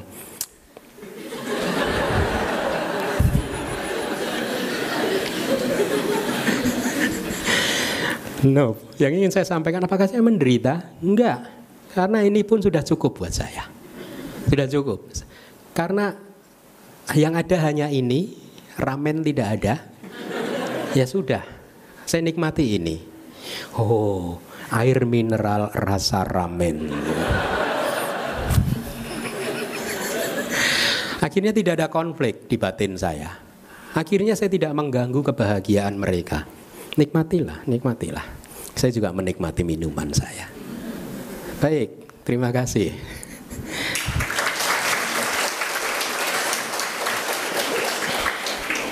Selamat siang Bante. Uh, gini Bante, seperti awal Bante katakan itu apa uh, buat kuari samsara ini kita harus mencapai tingkat kesucian arahat Bante ya. Uh, saya ditanya Bante sama tetangga kita gitu ya. Saya coba menjelaskan dengan pengetahuan yang ada saya gitu. Apa buktinya bahwa kita untuk kuari samsara ini harus menjadi arahat itu satu. Dan saya mencoba untuk menjawab Bante dengan kemampuan saya itu dan pengetahuan saya uh, untuk membuktikan bahwa itu apa menjadi atau baru bisa keluar samsara ini ya kita harus merealisasi dulu baru bisa membuktikan gitu Bante. Apakah itu jawaban betul Bante? Uh, apakah selain itu jawaban lebih tepat lagi Bante itu satu Bante yang pertama. Yang kedua mengenai hormat tadi itu Bante ya. Hmm? yang ma, apa Manggala nomor, nomor 22 hormat itu ya. Uh, untuk rasa hormat itu uh, misalnya gini ah misalnya uh, keadaan hidup kita ini yang sudah kita jalankan sebelum kita mengadharma ya. Kayak kita pergi jalan ke mana atau witas sama kita suka dikasih orang tuh nanti ya, ya apa kunjungan ke budi apa uh, wihara atau gimana. Suka disodorin apa ya semacam bantai amulet gitu bantai ya. Ya entah ada gambar ya Buddha lah ya ada tulisan-tulisan segala macam gitu nah setelah kita dapatkan itu Bante, apa yang mesti kita lakukan? Ya? Kita pegang, kita kau di dompet juga. Kayaknya gimana, terikat, kita taruh di meja seakan kita tidak menghormati atau tidak memanfaatkan Bante. Nah, cara untuk mengatasi yang sudah kita kumpulkan nggak sangat sengaja Bante ya. Sudah yang lama kita kumpulkan begitu banyak gitu. Apa harus kita lakukan? Kita bakar atau kita diamkan saja atau gimana Bante itu kedua. Yang ketiga Bante menghormat juga Bante untung saya catat saya udah nebak nih pasti banyak nih Enggak, ini terakhir Bante makanya saya catat yang hormat juga Bante ya. Uh, kan dikatakan Sang Buddha itu um, setelah mencapai kesempurnaan itu menerawang bahwa tidak ada satu makhluk pun yang patut dihormati. Ya, bagaimana dan cara gimana beliau itu menghormat kepada orang tuanya Bante. Itu saya Bante. Terima kasih. Baik, ada tiga pertanyaan. Yang pertama adalah tetangga bertanya, apa sih buktinya bahwa uh, untuk bisa terbebas dari samsara kita harus jadi arahat, begitu ya? Nah, buktinya apa sih? Gitu. Sebenarnya kalau menghadapi orang-orang seperti itu kita tidak usah berbicara terlalu jauh, ya. Kita cukup berbicara begini loh, yang perumpamaan anak panah beracun masih ingat? Kita ini terkena anak panah beracun ya. Dan anak panah itu bisa kita cabut sekarang ya. Dan untuk mencabut syaratnya tidak harus kita harus tahu dulu ada arahatnya itu benar atau tidak nggak perlu. Yang penting saat ini kita tahu bahwa hidup kita sering kali kedamaian kita hancur, hancur karena nafsu-nafsu kita, keserakahan kita, kesombongan kita, pandangan salah opini kita, pendapat-pendapat kita yang salah ya. Sering kan kita berpendapat tentang sesuatu yang awalnya kita anggap benar kemudian kita paksakan kepada orang lain dengan kemarahan dan belakangan kita sadar eh ternyata saya salah. Hmm. Nah, kita sering menderita kan oleh opini-opini seperti itu, oleh kemarahan, kebencian, emosi-emosi negatif yang lain. Kita sering menderita kan? Hmm? Nah, emosi-emosi negatif tersebut ibaratnya anak panah yang bisa kita cabut sekarang. Ya, itu saja. Dan Buddhism menawarkan satu set latihan yang cukup lengkap, komprehensif, dan efektif untuk membersihkan, memurnikan hati dari emosi-emosi negatif yang seperti itu. Itu saja. Hmm? Nanti kalau dia sudah mulai bisa merasakan bahwa ternyata dengan latihan Buddhis itu emosi-emosi saya benar-benar mulai jarang muncul. Dan kalaupun muncul durasinya pendek, dia sudah mulai melihat. Jadi dua ini kriteria apa e, parameternya, emosi jarang muncul, dua kalau muncul dia durasinya singkat sekali. Itu adalah parameter yang menunjukkan bahwa latihan kita sudah membawa hasil, sudah ada hasilnya ya karena pada hakikatnya semua manusia agamanya apa pun ya baik Buddhis atau tetangga kita mereka menginginkan kehidupan bebas dari emosi. Semua semua. Bebas dari kemarahan kebencian dan seterusnya.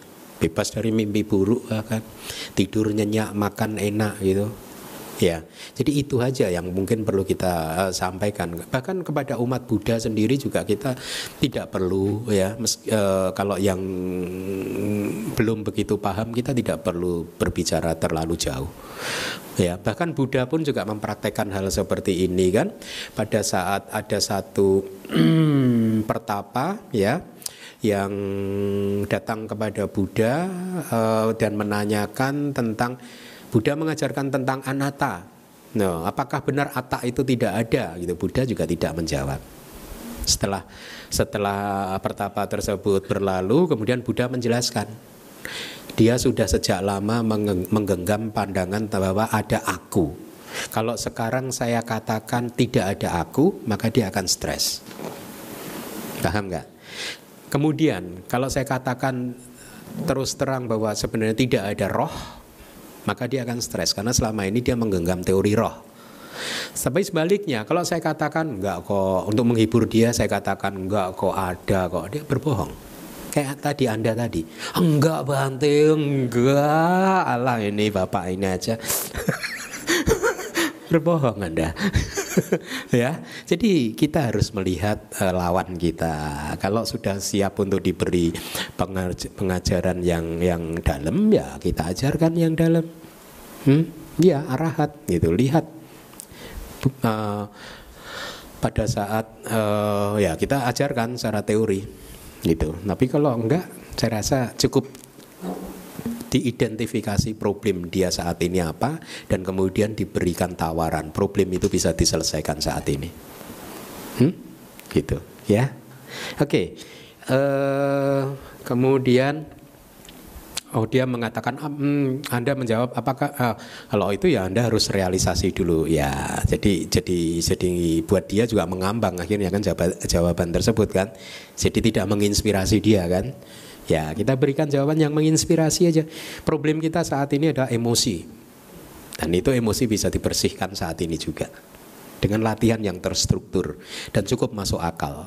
Mungkin Anda perlu ajarkan sewana cak balanang tidak bergaul dengan orang yang tidak bijaksana, panditanan cak sewanang.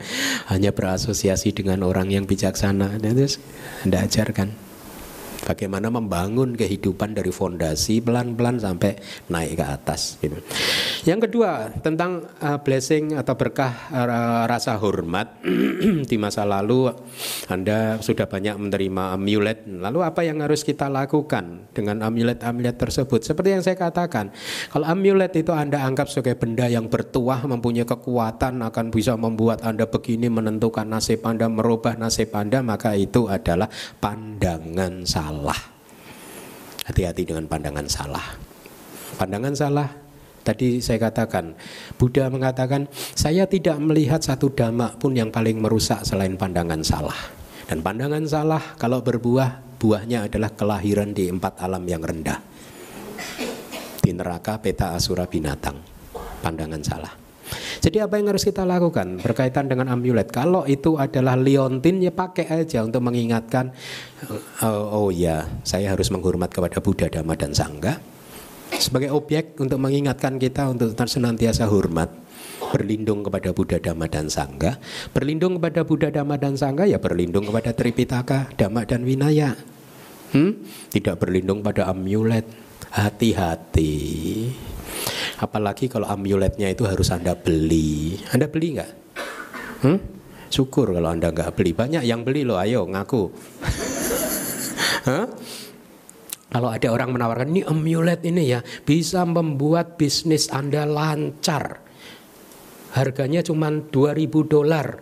Anda cek yang jualan ini sukses nggak bisnisnya gitu. Kalau dia sendiri bisnisnya nggak sukses berarti cukup kan datanya kan. Dia aja sendiri nggak sukses.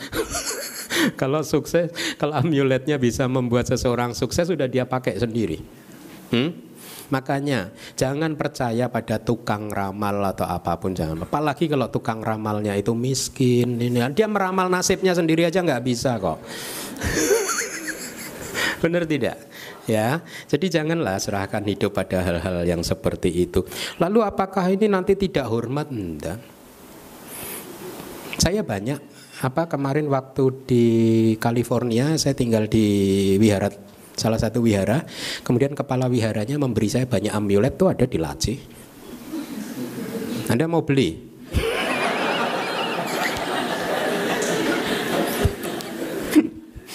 ada di laci Apakah itu tidak hormat tergantung hormat atau tidak hormat itu tergantung di hati kok. Huh? Makanya Buddhis itu pinter kan, uh, semua tergantung di hati. Kalau dulu orang Buddhis kita di masa lalu ini pinter-pinter di Indonesia, di Nusantara ini. Karena di dalam cerita Buddhis ada gunung yang bernama Gunung Sumeru kan ya itu gunung mistis di dalam cerita Buddhis kan yang sangat dihormati karena uh, itu dipakaikan uh, dipakai sebagai satu acuan tentang alam surga kan bahwa surga misalkan tak tak tak ca hmm? Catuk Maharajika Uh, kemudian Tawatingsa. Surga Tawatingsa ada di puncak Gunung Sumeru dan seterusnya. Jadi itu gunung yang sangat dihormati. Lalu Buddhis Nusantara bagaimana? Gunung Sumerunya dipindah ke sini, nggak perlu ke India sana kan? Maka di sini ada Gunung Semeru. Oh ya tidak? Terus apa lagi misalkan? Banyak kan objek-objek itu akhirnya diciptakan di sini saja. Jadi semua tergantung di hati, tidak tergantung di lokasi di mana di mananya. Hmm? Kalau Anda misalkan menempatkan amuletnya di kotak emas gitu ya. Tetapi Anda setiap harinya tidak berlindung kepada Buddha, Dhamma dan Sangga ya percuma. Tapi kalau Anda letakkan seperti saya, saya letakkan di laci saja seperti itu, tidak diberi tempat khusus. Tapi kan saya setiap hari baca Tripitaka dan mencoba untuk meditasi berlatih. Hmm, jadi tidak mengganggu pikiran saya. Ya, jadi tidak ada apa-apanya itu. Ya. Semua ada di hati Anda. Oke. Okay. Uh, yang kedua, oh Buddha tadi tidak ada seseorang yang pantas untuk dihormati. Ya saya katakan, tidak menghormati yang lain bukan berarti itu merendahkan. Berbeda loh. Dia kan tadi mencari guru yang pantas untuk dia hormati, akhirnya tidak ketemu dan dia akhirnya menghormati Dhamma sebagai gurunya. Tapi jangan diartikan berarti Buddha nggak menghormati orang tua dong Bante. Enggak, beda. Tetap aja hormat. Tapi respect bahwa dhamma adalah ajaran yang membuat Buddha merealisasi sama sang Buddha itulah yang beliau maksudkan gitu ya. Seseorang yang bisa membuat Anda berubah itu adalah guru spiritual yang harus Anda hormati. Jadi jangan dicampur adukkan. Kalau Buddha menghormati Dhamma berarti orang tuanya nggak dihormati? Enggak. Paham? Orang tua tetap dihormati. Baik, demikian. Nama budaya Bante. Uh, izin nama saya Anton. Saya mau tanya Bante kalau kebetulan saya punya relik hmm? dan kebetulan relik. Oh relik. Uh, dan kebetulan saya taruh di altar Buddha. Hmm. Uh, maksudnya yang mau tanyakan bagaimana kita memperlakukan relik tersebut kalau ditaruh di altar Buddha itu salah atau benar gitu Bante. Terima kasih Bante. Hmm. Sama kan relik itu kan kalau itu benar, itu adalah peninggalan orang suci kan. Jadi orang yang suci arahat itu biasanya meninggalkan sesuatu. Kenapa meninggalkan sesuatu? Uh, karena sesuatu tersebut akan uh, dia uh, sesuatu yang bisa dimanfaatkan oleh generasi berikutnya ya untuk menjadi objek penghormatan. Tapi penghormatannya bagaimana bahwa katakanlah ini relik yang Arya Sariputa ya hebat sekali ya yang Arya Sariputa akhirnya bisa mencapai tingkat kesucian arahat. Padahal sewaktu mudanya beliau adalah pemuda yang suka berfoya-foya dengan Kolita Upatisa dan Kolita itu kan berdua kan. Uh, di hiburan ini hiburan sana menghabiskan dunia, uh, malam di dunia hiburan kan tapi akhirnya bisa menjadi arahat. Nah, akhirnya muncul rasa hormat kepada yang Arya Sariputa jadi dengan bantuan relik ini jadi objeknya Anda harus benar. Jangan disembah-sembah reliknya. Tapi disembah-sembah ini adalah dihormati ini adalah yang Arya Sariputa. Seseorang yang masa mudanya hidup glamor akhirnya jadi arahat. Nah, itu jadi apa istilahnya teladan yang bisa kita dapat dari relik tersebut atau relik Buddha misalkan hebat ya meskipun pangeran ganteng kaya raya nekat ya dan akhirnya jadi Buddha. Hmm? Jadi ada teladan yang bisa kita dapatkan dengan rasa hormat tersebut gitu. Ya, Anda pernah mendengar cerita saya tentang satu umat yang punya anak dua dan dia hidup di luar negeri. Saya tidak tidak sebut negaranya karena ini direkam. uh, dia punya anak dua, hidup di negara maju, Kemudian tiba-tiba istrinya sama anaknya datang kepada saya menangis semuanya dan menyampaikan kesedihannya karena suaminya tadi malam mengatakan dia ingin jadi biku. Pernah ya dengar cerita ini ya? Huh? Jadi kadang ya kita itu jangan memahami sesuatu itu secara material. Kalau Pangeran Siddhartha boleh meninggalkan anak istri berarti semua juga boleh dong. Nah, jangan itu terlalu mengeneralisasikan sesuatu. Yang dilihat adalah Pangeran Siddhartha adalah jadi singkat cerita yang istri dan dua anak tadi menangis meminta bantuan saya untuk menasehati suaminya supaya jadi jangan uh, jangan jadi biku karena mereka hidup di negara maju sementara istrinya tidak bekerja, anak-anaknya masih kuliah, suaminya hanya maaf ya sopir taksi. Jadi pertimbangan istrinya kalau suaminya itu jadi biku maka kehidupan mereka runtuh. Nah akhirnya kan singkat cerita suaminya datang ke wihara kemudian saya ajak bicara kan baik-baik gitu loh anak istri kamu tadi malam ini loh menderita loh gitu. ya, menangis. Kemudian apa jawaban dia Bante ini gimana sih? Ya, malah malah uh, menyalahkan saya. Ada umat mau jadi biku kok malah dilarang. Lo bukan saya melarang, tapi kan kamu harus mempertimbangkan efek dari keputusan kamu gitu. Kan kamu punya anak istri, kalau anak istri masih keberatan ya itu harus diselesaikan eh, eh, dengan harmonis dong. Terus kayak saya berikan berikan gambaran anak istri kamu takut karena kalau kamu jadi biku nanti yang menopang kehidupan ekonomi siapa? Ya itu resiko toh Bante gitu dia bilang gitu. Yuk nggak bisa begitu dong. Itu kan namanya mementingkan diri sendiri dan itu akan mengganggu kamu juga dalam latihan. Saya sampaikan panjang lebar. Terus ada kalimat dia begini. Bante, kalau untung Pangeran Siddhartha nggak ketemu Bante dulu.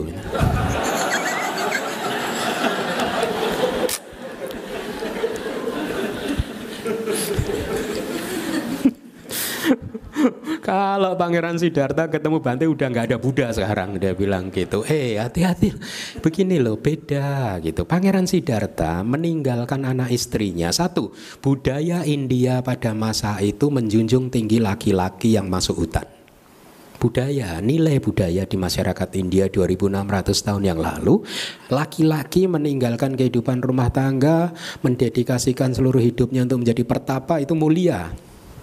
Nah sekarang zaman udah berubah. di sini nilai itu tidak ada. Gitu. Kedua, ingat loh dia pangeran loh, pewaris tunggal kerajaan loh, ya. Jadi artinya dia tinggalkan itu kerajaan buat anak istrinya nantinya. Secara ekonomi itu bagus. Anak istrinya nggak akan kesusahan secara ekonomi ya. Meskipun sedih iya, tapi secara ekonomi dia tidak kesusahan.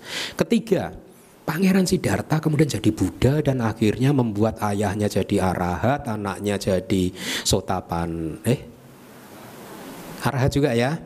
Kemudian istri, uh, sorry, uh, ibunya juga kemudian dibantu dan lainnya terangkat gitu, istrinya juga. Hmm? Jadi parameternya banyak parameter yang berbeda. Jangan diambil diambil satu aja. Pangeran Siddhartha boleh meninggalkan anak istri berarti saya juga boleh. jangan jangan seperti itu. Ya seperti tadi Buddha hanya menghormati dhamma berarti orang tua tidak dihormati. Itu terlalu terlalu ini menyederhanakan sesuatu itu. Nah, jadi e, pertanyaan Anda e, terjawab ya. Mudah-mudahan terjawab. Sugiyoti Bante. Saya bertanya mengenai Manggala Sutra nomor 22 menghormat. Itu apa bedanya dengan yang nomor 3 ya? Yang nomor 3 juga menghormat juga. Menghormat yang pantas untuk dihormati ya. Itu bedanya apa? Yang kedua, di antara 38 itu saya lihat tidak ada yang namanya berjudi. Di antara apa? 38 Manggala Sutra. Hmm. Itu tidak ada yang mengatakan mengenai berjudi. Apa mungkin zaman dulu di dia tidak ada berjudi atau mungkin maksudnya apa? Tidak ada berjudi pada waktu zaman masa Buddha atau nah. mungkin berjudi itu bukan suatu uh, suatu berkah gitu nanti. Terima kasih.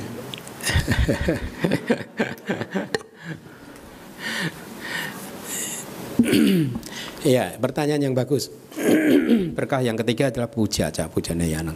Menghormati mereka yang pantas untuk uh, dihormati. Itu uh, di dalam uh, penjelasannya. Yang membedakan yang membedakan dengan yang ini adalah garawo. Garawo. Ya pertanyaan bagus sih. Mari kita pikir pelan-pelan ya. Jadi menghormati mereka yang pantas untuk dihormati itu adalah lebih mungkin ke uh, hubungan sosial di dalam kehidupan sosial sehari-hari ya dengan sesamanya gitu. Kalau yang garawo itu adalah lebih pada rasa hormat kepada seseorang yang eh, telah berjasa untuk membuat kita secara spiritual berubah. Ya. Nah, kalau puja cak puja neanang di sana menghormati siapa pun, makanya ada penjelasan menghormati orang yang lebih tua juga itu siapa pun itu juga kita hormati. Jadi kita uh, bedakan yang nomor tiga itu adalah berkaitan dengan kehidupan uh, sosial. Kalau yang nomor 22 ini lebih pada uh, untuk meningkatkan kualitas spiritual. Jadi kalau kita hormat kepada dhamma, kita hormat kepada guru kita, maka kita akan cenderung akan mendekat kepada guru dan mendengarkan uh, nasihat-nasihat guru, kemudian bimbingan-bimbingan untuk uh, latihan meditasi, misalkan bagaimana supaya kita bisa uh, berkembang uh, dalam latihan meditasi kita gitu. Jadi yang satu adalah lebih kepada duniawinya, yang satu adalah untuk bagaimana keluar dari dunia ini. Ya, kalau di dalam klasifikasi yang saya sampaikan, yang saya adopsi dari Myanmar itu kan awal-awal itu adalah persiapan. Klasifikasinya kan persiapan kan? Ya, kalau Anda lihat di klasifikasi tabelnya itu adalah uh, persiapan gitu. Jadi sebelum kita mempraktekkan ke yang lebih tinggi lagi nanti yang terakhir itu akan makin lebih tinggi lagi. Lebih kepada bagaimana merealisasi uh, nibana mencapai tingkat kesucian arahat dan seterusnya. Jadi ini perjalanan dari pekerjaan persiapan. Jadi di dalam pekerjaan persiapan kita harus menghormati siapa pun khususnya orang yang lebih tua dalam hubungan sosial satu dan yang lainnya. Tapi hormat garawo karena kata-katanya beda. Yang satu puja, yang satunya garawo. Gara garawa, garawa itu lebih pada hormat yang berkaitan dengan spiritual. Ya, yang satunya hormat hormat hubungan sosial begini. Kira-kira seperti itu ya. Makanya klasifikasinya berbeda. Yang nomor tiga itu adalah pekerjaan persiapan yang harus kita lakukan supaya kita bisa sukses di dalam latihan spiritual kita apa pekerjaan persiapannya? Tidak bergaul dengan orang tidak bijaksana bergaul dengan orang bijaksana dan menghormati mereka yang pantas untuk dihormati tinggal di tempat yang sesuai dan seterusnya kan? Itu persiapan persiapannya nah sekarang sudah masuk ke latihan nih. Bagaimana sebelum latihan ini kita harus benar-benar dekat dengan guru hormat pada guru supaya kita mau uh, supaya kita bisa mendengarkan nasihat-nasihat mereka dan tidak hanya mendengarkan karena ada rasa hormat maka kita melatih juga akhirnya. Gitu. Jadi berbeda. Yang satu adalah untuk hubungan sosial yang satunya adalah untuk keluar dari samsara. Ya. Makanya tadi Buddha pun menghormatinya dhamma. Ya. Yang di situ tidak disebutkan uh, menghormati uh, dalam satu kitab komentarnya tidak disebutkan garawu sebagai menghormati orang tua juga. Karena itu masuk ke puja yang nomor tiga. Begitu ya Kemudian yang kedua apa tadi? Ada ya? Oh judi, judi. Kok tidak ada? Oh, bersyukur ya.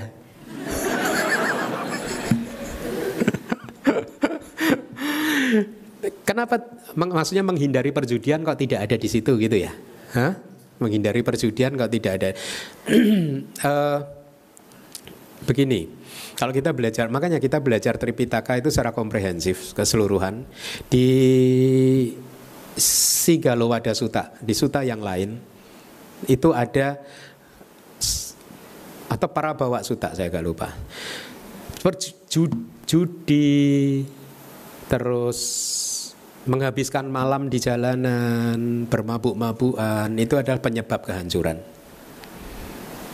Ya, penyebab kejatuhan seseorang. Ya. Jadi judi apakah itu melanggar sila? Mungkin tidak melanggar sila, tapi itu adalah penyebab kejatuhan. Kenapa? Karena dari judi akhirnya terjadi pelanggaran sila kelima. Dari judi akhirnya kalah, oh, pinjamin dong. Nah seribu dolar aja besok saya ganti padahal dia berbohong besok nggak mau diganti melanggar sila keempat dari judi kalau menang wah menang nih melanggar sila ketiga judi kalah melanggar sila kedua, mencuri dan seterusnya. Penyebab kejatuhan. Ya, jadi di suta yang lain disebutkan judi adalah sesuatu yang tidak baik karena itu akan menyebabkan kehancuran. Gitu Bapak. Ada pertanyaan lagi? Atau Chris? Chris? Sekian tuh Bante. Um, saya mau nanya masalah mengenai rasa hormat. Banyak yang bilang kan respect is earned, it's not given. You have to earn your respect kan. Dan untuk orang yang telah pernah dulu menyakiti kita atau seseorang yang kita kenal, uh, kayaknya kalau kita kasih respect, uh, nanti mereka bisa salah paham bahwa oh dia udah berbaik hati dan mungkin ada keja kejadian lagi dan kita akan disakiti lagi. Tapi kalau kita nggak respect, kayaknya kesannya jadi hostile banget. Jadi cara nyikapin orang yang telah menyakiti kita atau yang kita sayangi gitu, family kita itu gimana ya Bante? Kayak sumpamanya bukan bukan dia bergaul sama kita sih Bante kayak dia ber, bertamu atau kadang kita ketemu kalau nggak manggil rasanya nggak nggak pantas tapi kalau manggil nanti kegeeran lagi. Itu aja sih Bante satu uh, kalau kita tidak memberikan penghormatan kepada seseorang itu bukan berarti kita harus menunjukkan kebencian kita. Itu adalah dua hal yang berbeda ya. Bahwa kita tidak memberikan penghormatan kepada seseorang yang telah menyakiti kita itu tidak sama dengan bahwa kita harus menyakiti dia. Atau tidak ya uh, dendam atau benci ya. Tidak memberikan penghormatan kepada orang yang memang tidak pantas untuk dihormati itu lebih kepada tidak mendengarkan saran-saran mereka nasihat-nasihat mereka tidak mendengarkan atau tidak mencontoh apa yang dia lakukan. Paling tidak orang yang tuh sudah menyakiti kita itu kan sedang memberikan contoh kepada kita bahwa menyakiti orang lain itu tidak baik sehingga akhirnya akan memunculkan komitmen dari saya dari kita bahwa saya tidak akan menyakiti orang lain seperti yang dia lakukan kepada saya. Karena saya tidak ingin membuat orang lain yang eh, saya sakiti menjadi menderita seperti saya. Itu jadi paling tidak hal-hal seperti itu yang bisa kita kita apa eh, lakukan. Jadi harus dipisahkan. Tidak menghormati itu bukan berarti kita harus mengentertain rasa kemarahan kita dendam kita dan lain sebagainya. Tetapi lebih ke kepada kita disassociate bukan berarti physically tetapi idenya pendapatnya kita menjauh. Tidak sama dengan mereka. Gitu karena kita berbeda. Cara pandang kita berbeda tingkat ini kita berbeda tingkat latihan kita berbeda ya.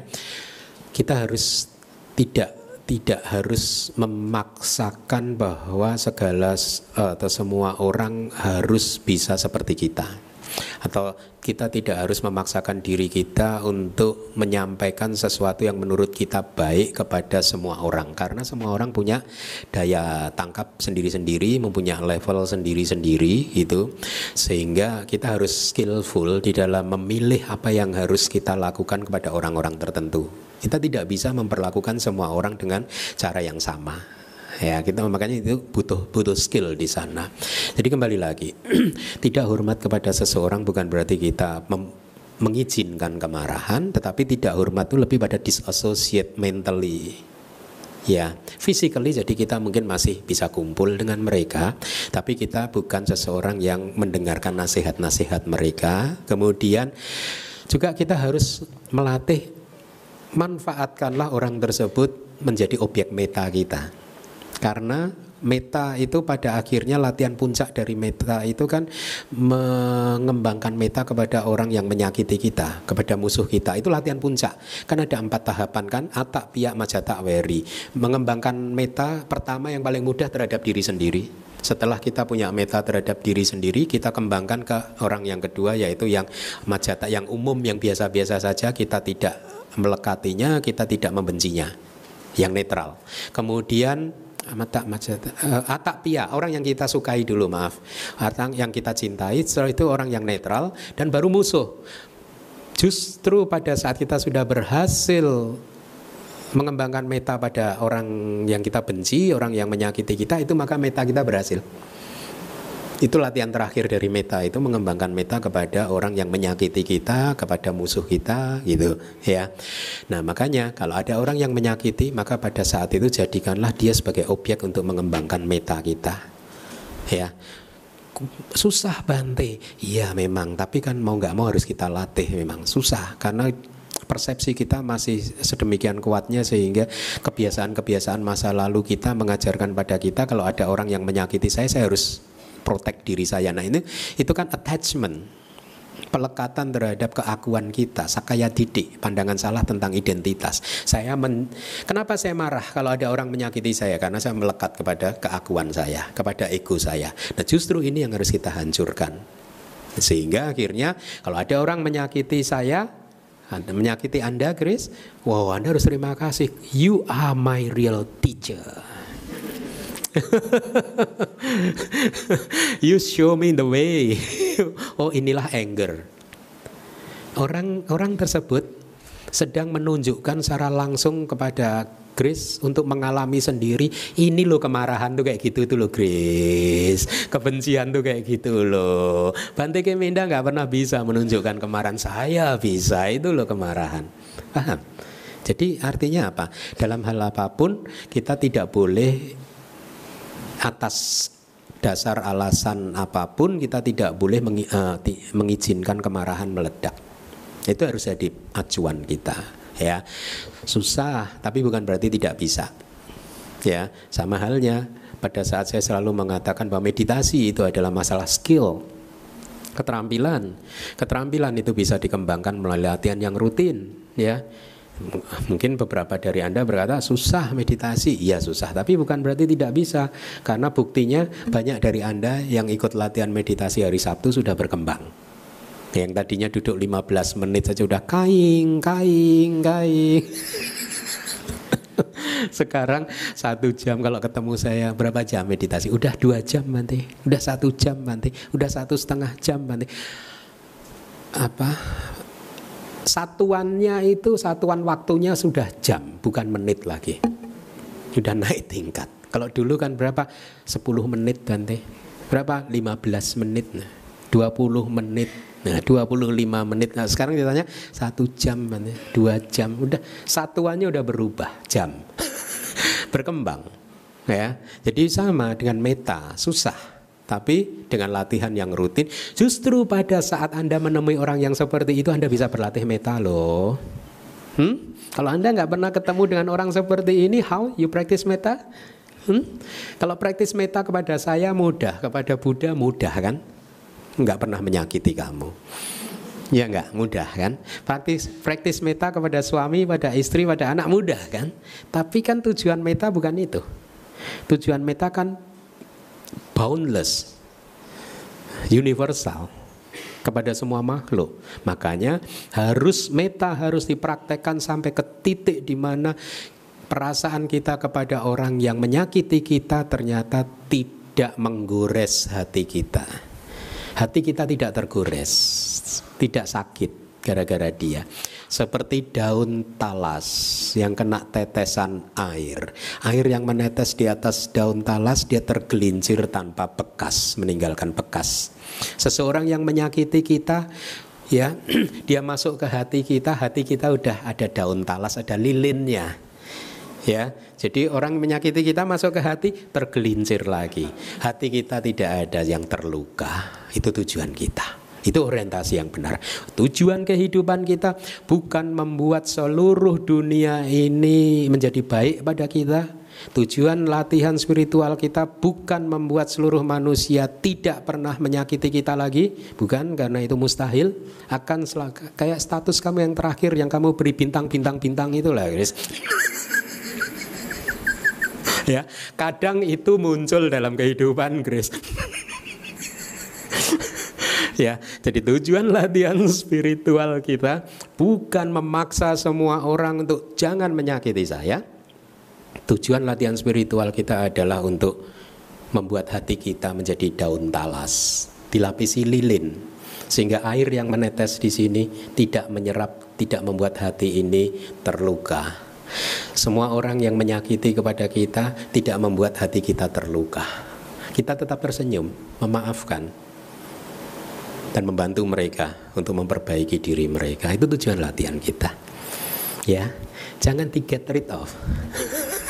Oke, okay, thank you. Oke. Okay.